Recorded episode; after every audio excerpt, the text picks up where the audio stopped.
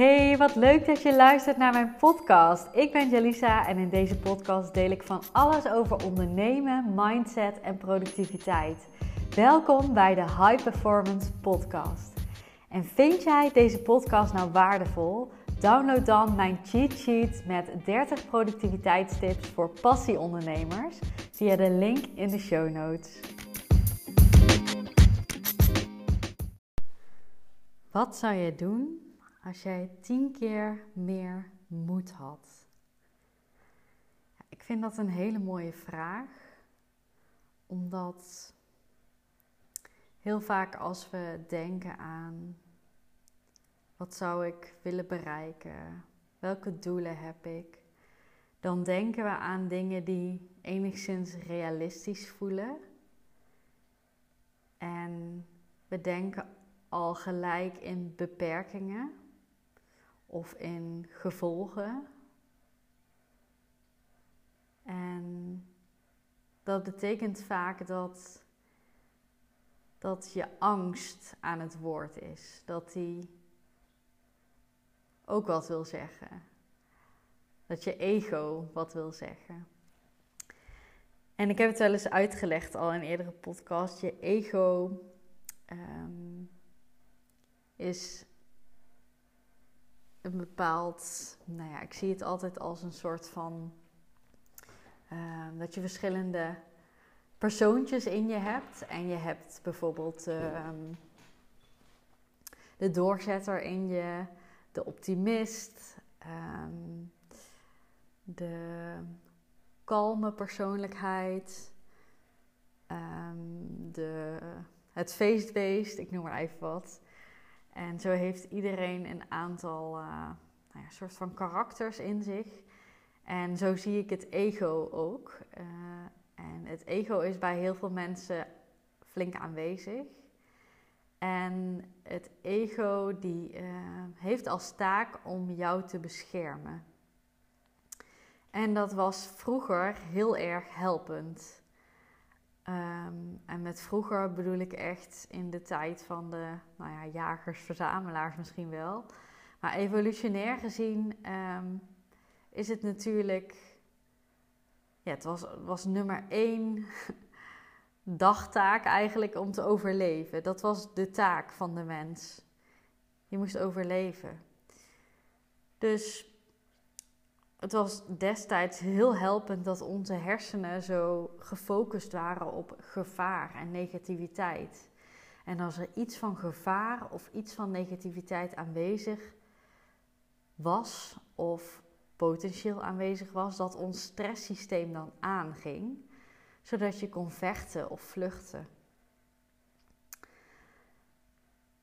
Dat systeem hebben wij dus nog steeds.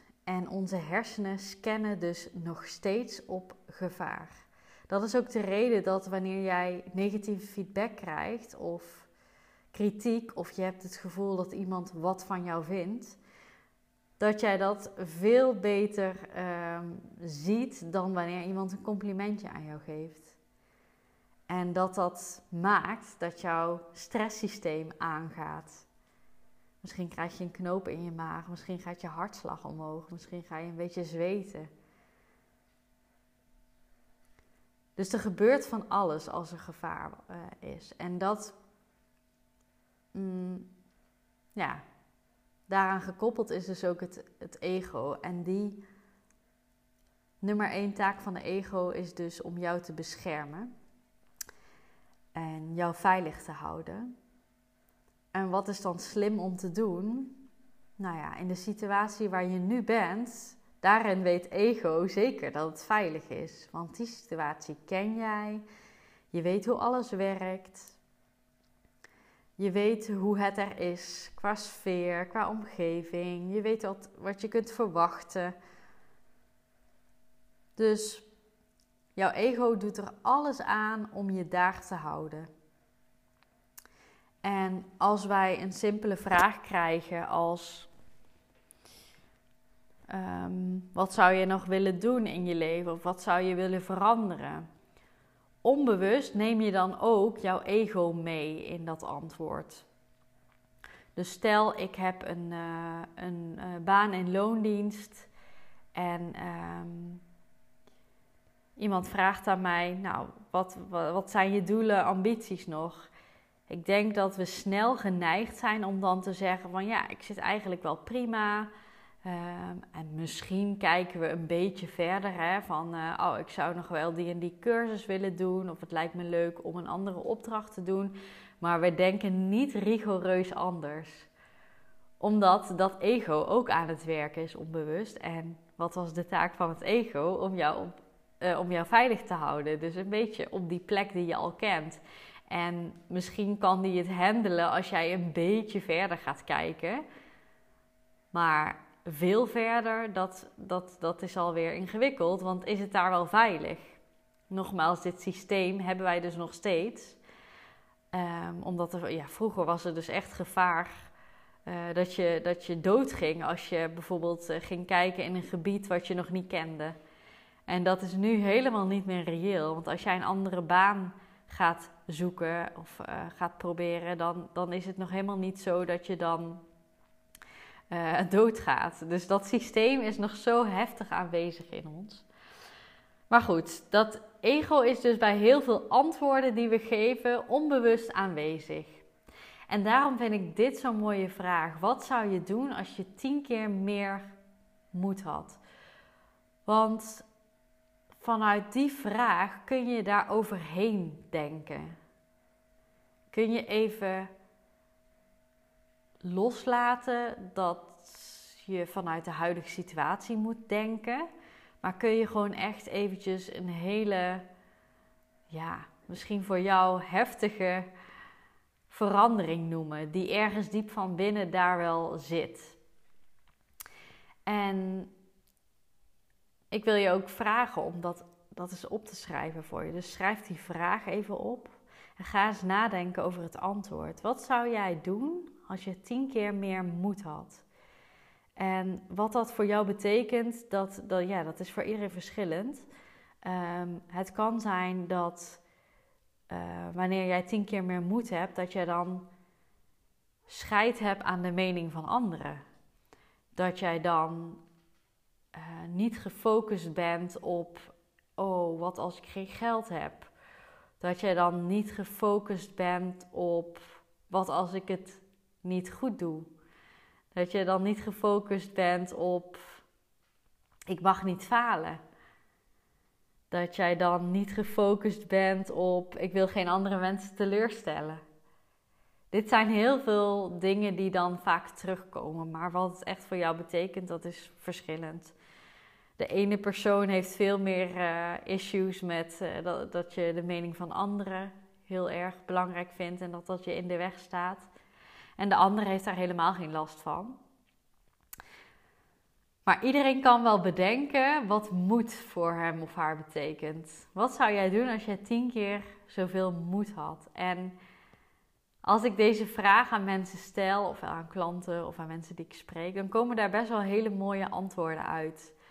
En het hoeft niet realistisch te zijn, want het is echt een soort droomvraag.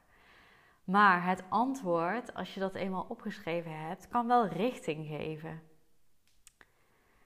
Dus stel, laat zei iemand tegen mij, als ik tien keer meer moed had, ja, dan zou ik mijn baan gewoon opzeggen, zou ik naar het buitenland vertrekken en zou ik gaan kijken of ik daar uh, een, uh, een restaurant zou kunnen beginnen. En als je deze vraag jezelf niet stelt, dan kom je daar misschien helemaal niet. Want je, je laat dit los, het is veel te ver weg, het is niet realistisch, je zit nou eenmaal niet in die situatie. Maar als je de vraag wel gaat stellen, dan heeft het wel, uh, het geeft je richting. Want als je dit met iemand gaat uitpluizen, dan blijkt het ineens, weliswaar in stapjes, maar wel realistisch te zijn zonder dat er gevaar heerst. Dus zonder dat ego zich heel erg zorgen hoeft te maken dat jou iets overkomt. En ik heb wel vaker gesprekken met mensen over hun dromen en doelen. En het is heel grappig om te merken dat ehm, mensen dan aan het begin van het gesprek zeggen van ja, over uh, jaren of als ik misschien met pensioen ga, dan zou ik dit of dit wel tof vinden. En door het erover te hebben, worden ze enthousiast. Door het erover te hebben, wordt het concreter. En door het erover te hebben, wordt het veel meer haalbaar in hun hoofd. En vanuit daar kun je ook tussenstapjes gaan bedenken die je anders nooit gezet had. Dus ik wil jou die vraag ook stellen. Wat zou jij doen als jij tien keer meer moed had? Wat zou jij dan doen? En je mag gewoon dromen. Ik hoor echt te vaak, dat komt misschien nou ook in jou op. Ja, ik zit prima, ik ben super tevreden met mijn leven. Dat mag. En dat is heel fijn. Dat is een super fijne plek om te zijn. Want vanuit tevredenheid ga jij nog sneller groeien dan vanuit pijn. Dat geloof ik. En je kunt jezelf ook de vraag stellen: als dit dan niet lukt, hè, als je dat te moeilijk vindt. Hoe ziet mijn dag eruit? Waar zou ik wonen? Wat zou ik doen? Met wie zou ik zijn? In wat voor omgeving zou ik zijn? Als tijd en geld geen rol spelen. Dus het maakt niet uit als je geen tijd hebt om iets te bereiken. Het maakt niet uit als je geen geld hebt om iets te bereiken. Alles is mogelijk. Jij kan alles kopen wat je wil. Je hebt tijd in overvloed. Waar zou jij dan zijn? Waar zou je dan wonen? Met wie zou jij dan zijn? Hoe zien jouw dagen eruit? En dit geeft aanknopingspunten voor welke stappen jij mag gaan zetten. Ik vind het zo zonde dat heel veel mensen maar blijven waar ze zitten. Ego die verkondigt heel hard van nee, ik vind dit best prima. Ondertussen merken ze wel dat ze uh, moe zijn, niet altijd positieve energie ervaren, zich irriteren aan bepaalde taken of collega's. Um, balen van hoe een dag eruit ziet. Ik noem maar even wat, hè. Dus enerzijds is ego aan het woord. Nee, we hebben het helemaal prima. Het is uh, hartstikke goed. Ik heb het prima naar mijn zin. Ik mag niet klagen. Dat is ook zo'n zinnetje wat vaak gezegd wordt. Ik mag niet klagen. En dat, dat zeg jij, of dat hoor jij jezelf zeggen, omdat het veilig is. En verandering is spannend. En het is jouw leven, dus het is helemaal oké. Maar we zien te vaak dat wanneer jij niet met jouw enthousiasme meegaat, niet met jouw uh, verlangen meegaat, dat je dus in een situatie blijft zitten die helemaal niet past. En als dat niet kloppend is, dan gaat jouw emmer zich maar vullen en vullen en vullen met negativiteit, irritaties. En dat is misschien allemaal te handelen, want je mag niet klagen. Maar die emmer gaat dan een keer overlopen. En ik heb verschillende mensen gesproken ehm, en ook mogen begeleiden al, die met een burn-out te kampen hadden. Zeg ik dat zo? Te kampen? Ja. En dit was bij hen allemaal een terugkerend thema. En dat kwam, ze wisten niet wat ze wel wilden, ze bleven maar in deze situatie. Ze konden niet verder denken dan waar ze nu waren. Maar ze merkten wel aan alles dat het steeds minder goed begon te voelen. Steeds minder zin in je dag. steeds minder plezier, steeds minder moeiteloosheid en luchtigheid. Het werd steeds zwaarder, negatiever. En dat, ja, dat ging langzaamaan de verkeerde kant op. En dat heb je niet altijd door. Dus ik gun het jou om jezelf af en toe deze vraag te stellen. Ik reflecteer zelf regelmatig, sowieso elke maand wat, wat uitgebreider. Maar elke week ehm, kijk ik goed naar dit soort dingen. En dit vind ik altijd een hele mooie vraag om mezelf te stellen. Wat zou ik op dit punt doen als ik tien keer zoveel moed had? Een, een half jaar geleden was dat weer een heel ander antwoord dan wat ik nu zou geven. En als ik nu die, mezelf die vraag stel, is misschien ook nog wel interessant. Dan zou ik denk ik echt qua uh, bedrijf het gelijk helemaal neerzetten zoals ik zou willen. Dus echt met een vette branding. Ik zou um, klanten benaderen die, waarvan ik denk die volledig bij me passen. En um, dat zijn dingen die ik gewoon nu nog spannend vind. Dus mijn ego is daarin nog aan het woord.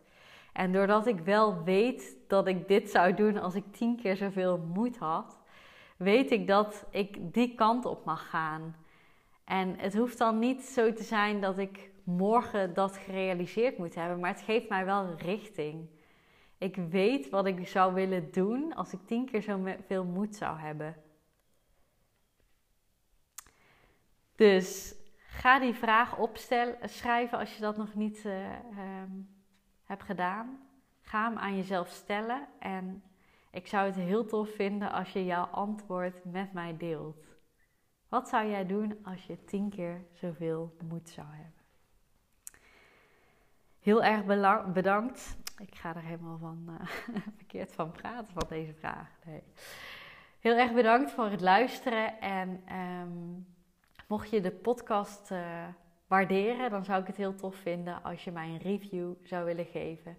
Een bepaald aantal sterren op Spotify of um, een beoordeling op iTunes. Dankjewel en tot de volgende.